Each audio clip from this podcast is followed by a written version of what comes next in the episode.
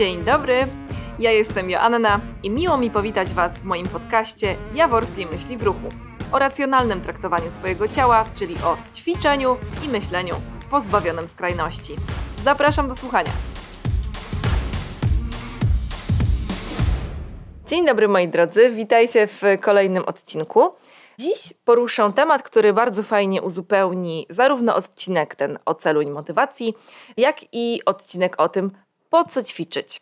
Otóż, generalnie nawiązując teraz do sytuacji, w jakiej żyjemy, czyli tego chociażby, że trening w domu odbija się czkawką, że mamy dosyć um, trenowania w domu. Ostatnio zapytałam na jednej z grup, właśnie co sprawia największy problem w ćwiczeniu w domu.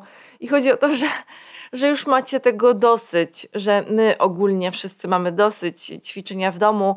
Obecnie siłownie są zamknięte, więc y, wszyscy upominają się o to, żeby je w końcu otworzyć, bo w domu na przykład nie ma miejsca, przeszkadzają dzieci, przeszkadzają zwierzęta, jest nudno w domu za dużo czasu w domu w ogóle się spędza, więc mamy ochotę wyjść. Z kolei pogoda ostatnio nie bywała najlepsza, więc no to też średnio motywuje do tego, żeby ruszyć się na jakiś dłuższy spacer.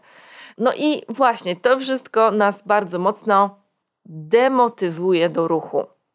Otóż dzisiejszy temat to właśnie demotywatory, demotywowanie siebie do pracy, e, do aktywności fizycznej, do tej pokonania tej drogi do naszego celu właśnie.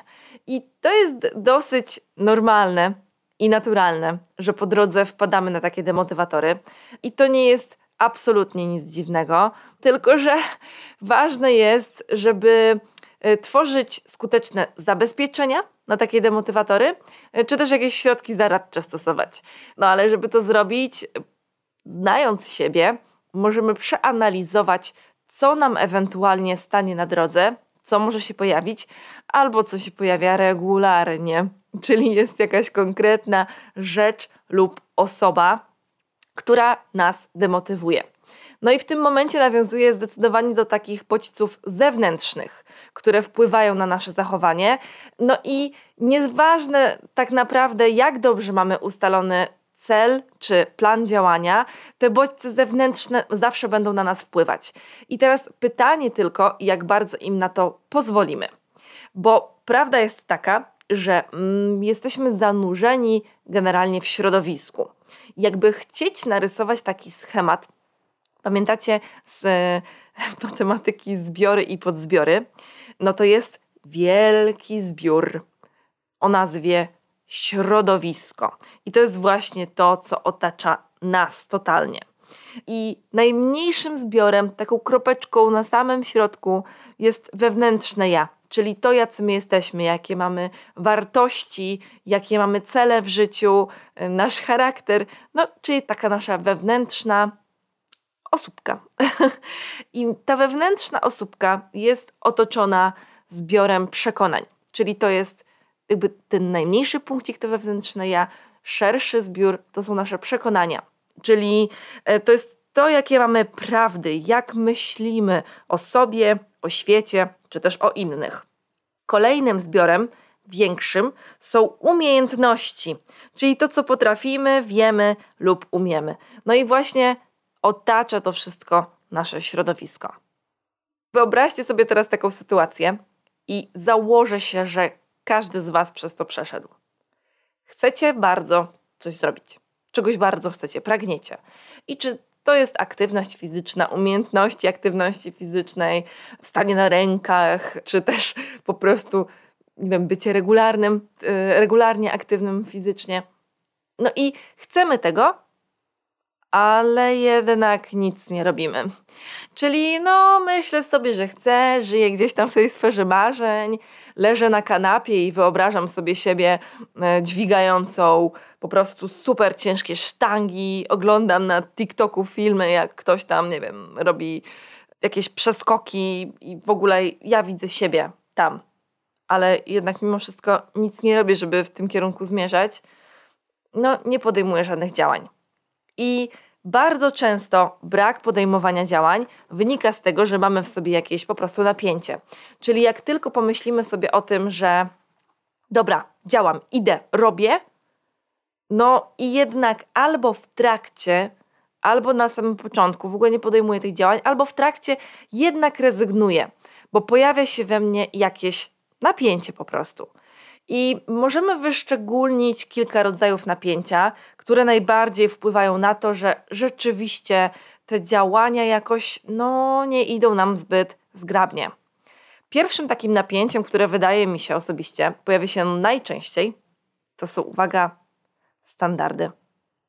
E, czyli mamy taki trochę paraliż wewnętrzny, można powiedzieć, zbyt wysokim standardem, chociaż za mały standard też będzie nas demotywował.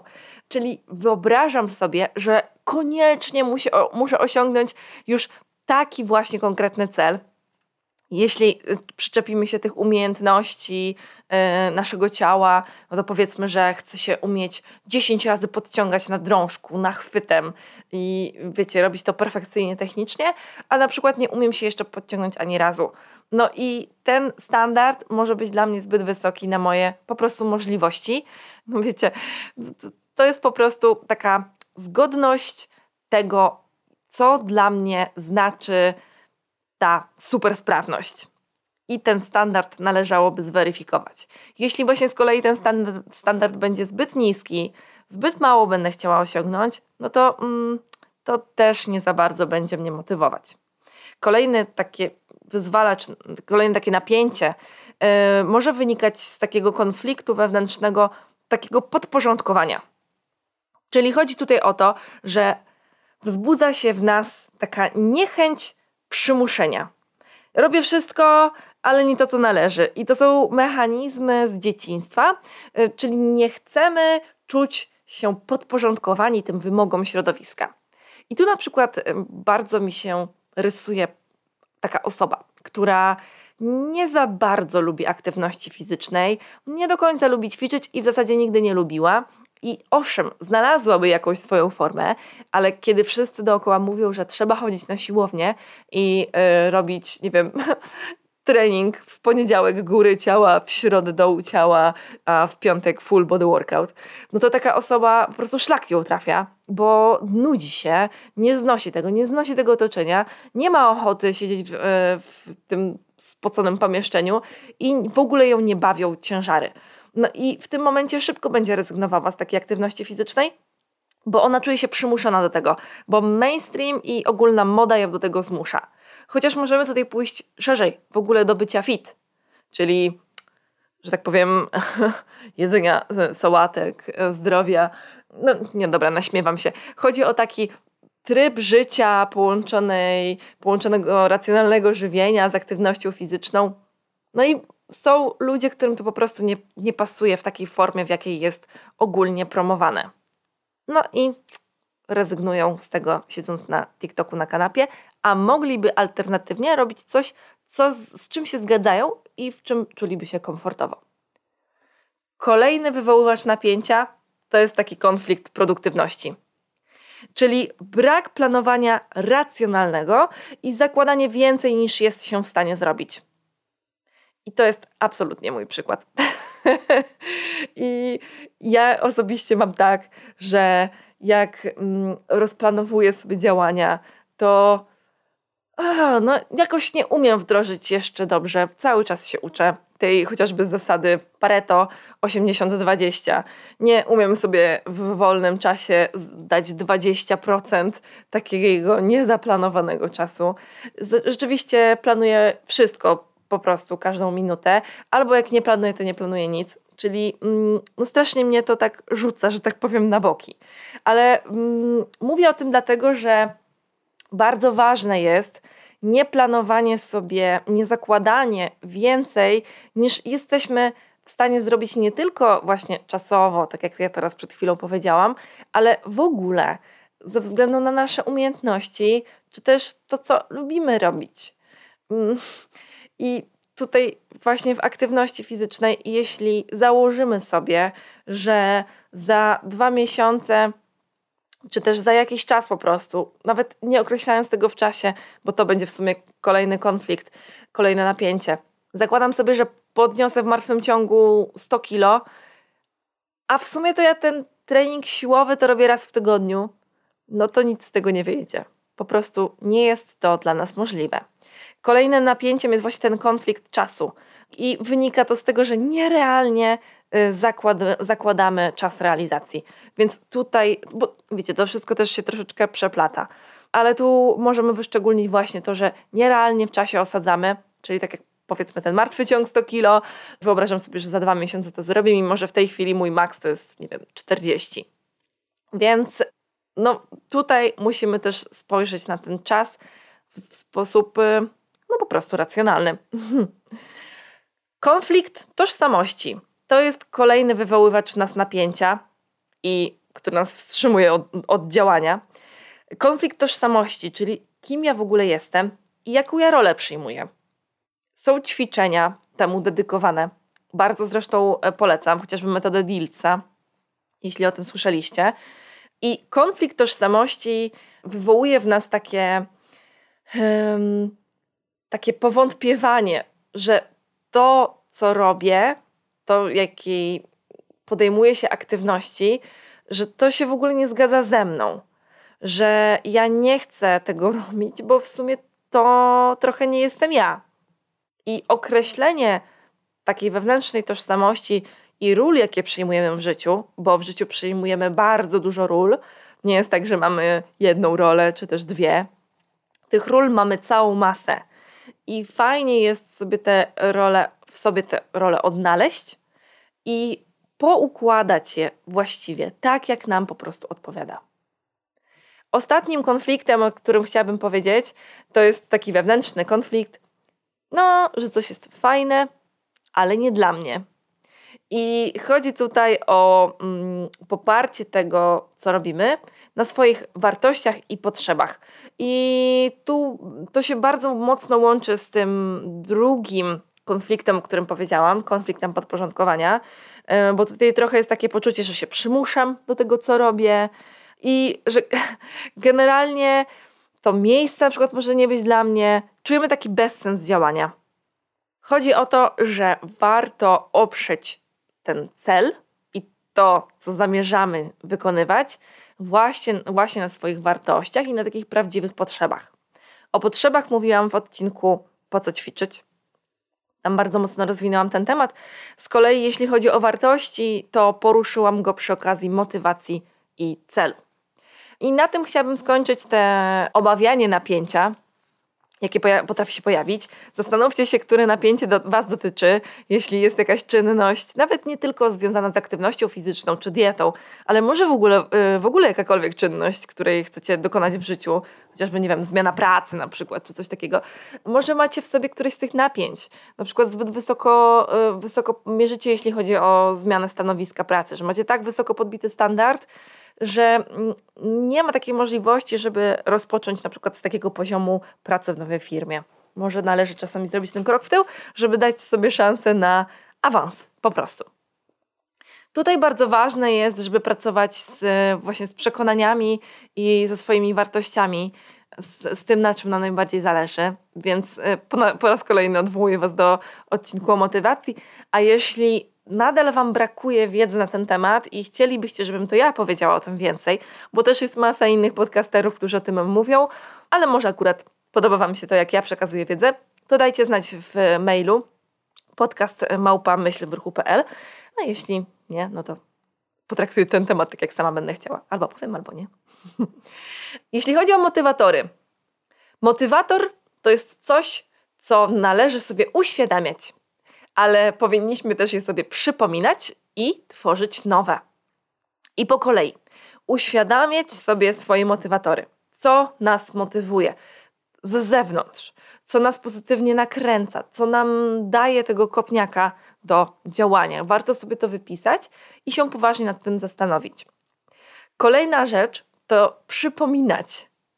Czyli jeśli jest jakiś bodziec zewnętrzny, który nas rzeczywiście motywuje, ale po jakimś czasie on się albo spala, albo po prostu zapominamy o jego istnieniu.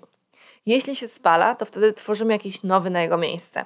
Jeśli z kolei po prostu zapominamy, to warto w jakiś sposób, zastanówcie się może w jaki, przypominać o tym sobie, co nas motywuje do działania. Chociażby na przykład to, jaki mamy cel, ten głęboki, taki fajny, po co coś robimy. Odsyłam do, do odcinka po co ćwiczyć. Z kolei demotywatory, tak jak powiedziałam, powinniśmy sko- tworzyć skuteczne zabezpieczenia i jakieś środki zaradcze na te demotywatory. Czyli zastanówmy się, co wywołuje w nas taką niechęć właśnie do działania. I tu chciałabym się skupić na środowisko. Środowisku, bo y, środowisko generalnie też możemy podzielić na takie dwa zbiory. I te zbiory się ze sobą w pewien sposób może nachodzą na siebie, przecinają się te zbiory to będą ludzie, którzy nas otaczają. Oni zdecydowanie tworzą nasze środowisko. A kolejnym zbiorem będzie ten zestaw bodźców zewnętrznych. No i tu oczywiście w jakiś sposób mogą to być ludzie, ale odcinając ich zupełnie, niech to będą bodźce nieożywione lub nieludzkie, bo zwierzę w sumie jest ożywione. No i chodzi o to, że potrafi się w nas obudzić też pewne napięcie związane z tym właśnie, jak środowisko zareaguje na nasze zmiany. I nie za bardzo jesteśmy zmotywowani do tego, żeby działać, a wręcz nas demotywuje to środowisko, bo mamy wrażenie, że zmiana naszego zachowania i naszych strategii będzie takim zagrożeniem dla środowiska, w którym żyjemy. Czyli mamy jakiś konkretny schemat działania. Powiedzmy sobie, no nie wiem, że y, mamy rytuał, y, że co weekend czy co drugi weekend spotykamy się w jakimś konkretnym gronie, w którym wspólnie gotujemy, jemy, pijemy alkohol, coś tego typu. A na przykład chcemy trochę zmienić swoje zachowanie, jeśli chodzi o jedzenie. Chcemy wprowadzić trochę zdrowsze jedzenie, na przykład na te spotkania, albo nie chcemy pić alkoholu bo nawet powiedzmy, nie wiem, bierzemy leki jakieś, czy decydujemy się na świadome po prostu nie picie alkoholu ze względu na naszą dietę, formę, cokolwiek. I mamy wrażenie, że to środowisko właśnie, w którym żyjemy, ci ludzie będą wykazywać swój bunt albo niezadowolenie, że mm, no dlaczego się nie napijemy, a dlaczego jesteś inny, dlaczego jesteś inna, dlaczego się tak zachowujesz? Ale czemu więcej warzyw? Zawsze tak jedliśmy. Burzysz nam nasze, nie wiem, nasz rytuał. I tutaj też jakby tym samym, tym działaniem, tym wprowadzaniem jakiejś zmiany podwyższamy ryzyko ataku właśnie na tą zmianę i ataku na naszą osobę. I albo mogą pojawić się komentarze względem nas, że my oszaleliśmy, że jesteśmy nienormalni, albo atak na samą zmianę, że to jest głupie, że dlaczego, przecież nic się nie dzieje, przecież wcale sobie nie szkodzisz i tak dalej. No i to też już z doświadczenia wiem, ma dwie strony, no bo z jednej strony rzeczywiście w przypadku na przykład osób z, wpadających właśnie w zaburzenia odżywiania, które przestają w ogóle jeść na przykład i nie wiem, może biorą udział w takich spotkaniach, albo w ogóle przestają na takie spotkania przychodzić, bo bo nie chcą być kuszone jakimś jedzeniem.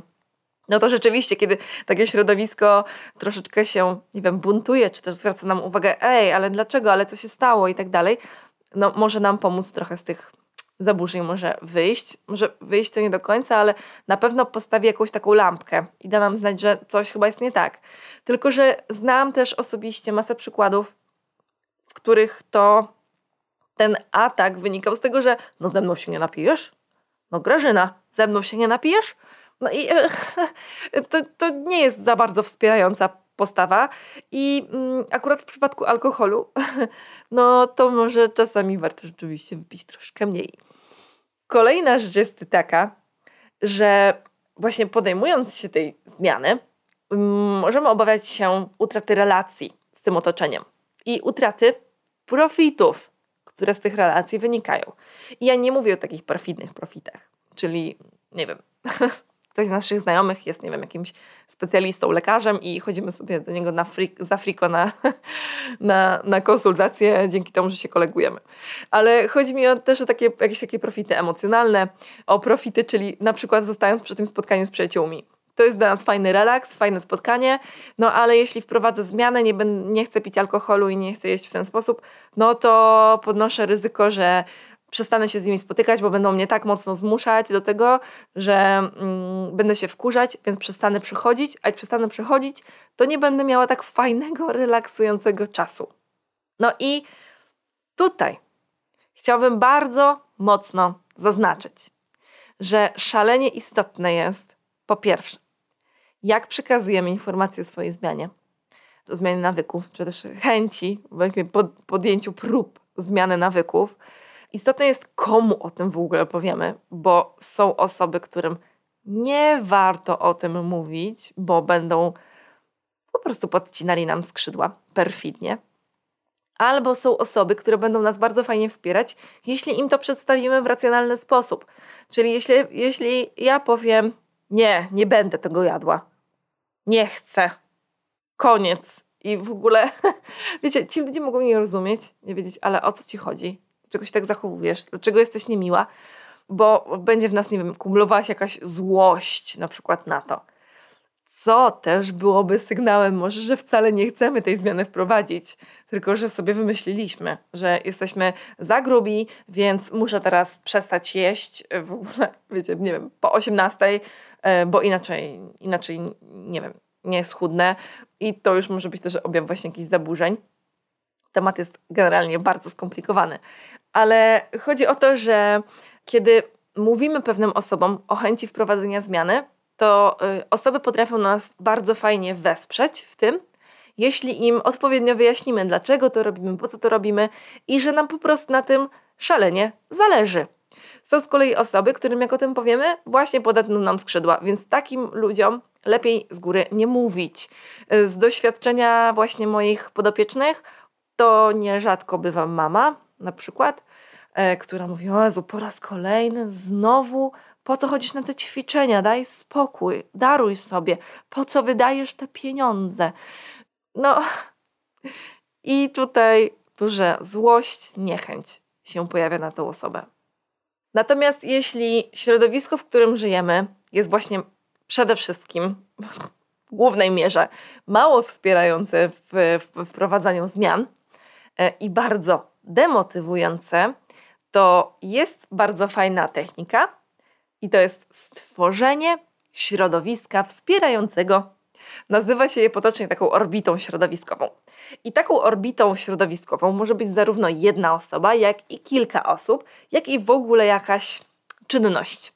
I taka orbita może nas bardzo fajnie wspierać w tym właśnie, żebyśmy działali, żebyśmy czuli, że mamy wsparcie swojego otoczenia, swojego środowiska, bo jest to dla nas jako ludzi po prostu ważne. Przede wszystkim byliby to nowi znajomi. Może to nie jest takie proste, tak no widzę po prostu po, w życiu, że po prostu zrobienie sobie nowych znajomych nie jest taką prostą czynnością, ale to się zdarza. Czyli zmienianie jakiegoś trochę otoczenia, wprowadzanie nowego otoczenia, czy też wprowadzenie siebie w nowe otoczenie. Poza tym, poproszenie o coś dotychczasowych znajomych, czy też poproszenie rodziny o coś. Czyli tutaj właśnie nawiązuje do tej szczerej rozmowy. Kolejna orbita to mogłaby być grupa wsparcia, czy też grupa hobbystów. Grupa wsparcia potrafi być gdzieś tam w internecie. No, to wiedzą szczególnie osoby z insulinoopornością. Są grupy wsparcia na e, fundacyjne, Fundacji Insulinooporność, Zdrowa Dieta i Zdrowe Życie i rzeczywiście e, potrafią się tam fajnie wspierać, choć bywa różnie czasami, ale zazwyczaj generalnie wspierać też adminki bardzo to dbają ale też grupa hobbystów. I to mogą być spotkania na żywo, jak i spotkania online. No teraz głównie raczej online, ale może być to różne. Poza tym jakiś codzienny, taki wspólny rytuał z współlokatorami, z rodziną, czyli powiedzmy na przykład wieczorne czytanie książki zamiast wspólne oglądanie serialu. W ramach tego, żebyśmy się lepiej wysypiali, bo wiemy, że lepsze wyspanie no to jest ym, zdrowie przede wszystkim. Lepiej funkcjonujemy kolejnego dnia, mamy więcej energii kolejnego dnia, też podejmujemy lepszych wyborów żywieniowych kolejnego dnia. Jak mamy więcej energii, to też jesteśmy bardziej chętni do ruchu. Ogólnie wiecie, sen jest cholernie ważny, nawet bardzo ważny. Stała obecność określonej lektury też może być elementem takiej orbity. Chodzi tutaj o jakieś książki, lektury czy motywacyjne, czy jakieś historie, które nas wspierają, czytanie jakiejś biografii, która nas bardzo inspiruje. Są takie, mm, takie lektury, takie pozycje, które rzeczywiście dla pewnych osób są bardzo wartościowe. No i jeszcze jedna bardzo ważna orbita to jest e, współpraca z, ze specjalistą. No i takim specjalistą może być właśnie coach, może być psycholog, psychoterapeuta, ale to może być też psychodietetyk, czy też trener z odpowiednim nastawieniem psychologicznym. I chodzi o to, że taka osoba, która nas będzie wspierała, która będzie nam przypominała, po co to w ogóle robimy, i, no i będzie pozwalała nam się wygadać po prostu w trudnych momentach, zawsze jest wspierająca. Kolejnym e, elementem orbity byłyby konkretne zadania, które doprowadzają nas do celu. Czyli jeśli dobrze sobie zaplanowaliśmy drogę naszego działania, to możemy po drodze wyznaczyć sobie zadania, które musimy zrealizować, żeby ten cel spokojnie, powoli osiągać. W tym momencie takie małe zadania, czy też małe umiejętności w aktywności fizycznej będą nas motywowały do tego, żeby działać. Poza tym pewne bodźce, które mogą nas stymulować do zmiany. Symbole czy też obrazy. I to jest bardzo ciekawe. Kiedyś prowadziłam e, warsztaty właśnie z motywacji tutaj w Warszawie dla grupy insulinopornych. Chociaż, no właśnie, nie trzeba mieć insulinoporności, żeby w takich warsztatach wziąć udział o motywacji, bo są bardzo uniwersalne. Natomiast akurat do tej grupy były skierowane. Chodzi o to, że zrobiliśmy burzę mózgów. I w tej burzy mózgów wyszły e, bardzo fajne pomysły, takich bodźców stymulujących do tego, żeby działać. I te bodźce, które właśnie, tak jak podzieliłam wcześniej środowisko, na ludzi i e, na te zewnętrzne zestawy bodźców, to właśnie te zewnętrzne zestawy bodźców bardzo ciekawie potrafią nas zaktywować do działania. I tak jak już wspominałam, warto je, takie motywatory, sobie przypominać. Bo zapominamy o czymś, że daje nam energię. I to chociażby jakieś obrazy, obrazy w stylu zdjęcia, tapeta, nie wiem, w telefonie, tapeta w komputerze. Na mnie osobiście to nie działa, ale wiem, że są osoby, na które to działa. Podały chociażby właśnie taki przykład. Profile na Instagramie czy też na Facebooku te motywujące, ale uwaga, nie te pozornie motywujące. Czyli nie chodzi o to, że w, zaczynam followować wszystkie fit trenerki, które są odtłuszczone, zaburzone i mają, um, wiecie, kraty na brzuchu i są po prostu wręcz przesadnie wysportowane, jeśli chodzi o nasz standard, to raczej jest średnio motywujące, to zwykle raczej doprowadza do takiego napięcia e, porównywaniem siebie z tymi osobami. Więc takie profile raczej bym odfollowywała, ale profile, które inspirują, jeśli chodzi chociażby o kulinaria, albo profile, które inspirują e, w temacie umiejętności treningowych, ćwiczeń, czyli jakieś fajne zestawy. I jest masa promotorek takiego zdrowego podejścia do swojego ciała, do żywienia i do aktywności fizycznej nieprzesadnego. Czyli tutaj, no wiecie, w tym podcaście kieruję się przede wszystkim do tych wszystkich Was, którzy chcą ćwiczyć rekreacyjnie, trenować rekreacyjnie, bo oczywiście te profile takie sportu zawodowego są bardzo fajne i motywujące dla tych, którzy ćwiczą na dużo wyższym poziomie i w tym też nie ma nic złego. Tylko, że zakładam z góry, że jednak Wy, moi drodzy odbiorcy, jesteście przeciętnymi, nie w złym tego słowa znaczeniu, osobami, które mają zwykłą pracę lub też niezwykłą, ale macie pracę i ta aktywność jest po prostu dodatkiem, rekreacją w, waszym, w waszej codzienności. I wtedy takie profile właśnie rekreacyjne są bardzo mocno wspierające. Poza tym, takim bodźcem, który fajnie pobudza, jest muzyka. I e, to rzeczywiście bardzo fajnie działa. Nie wiem, czy zwróciliście uwagę, że kiedy nie chce Wam się zrobić, nie wiem, treningu, aktywności fizycznej, ale puszczacie sobie taką pobudzającą muzykę, to rzeczywiście zbiera się więcej energii w sobie. Albo odwrotnie, jak się puści muzykę zamulającą, to ten trening zupełnie nie idzie.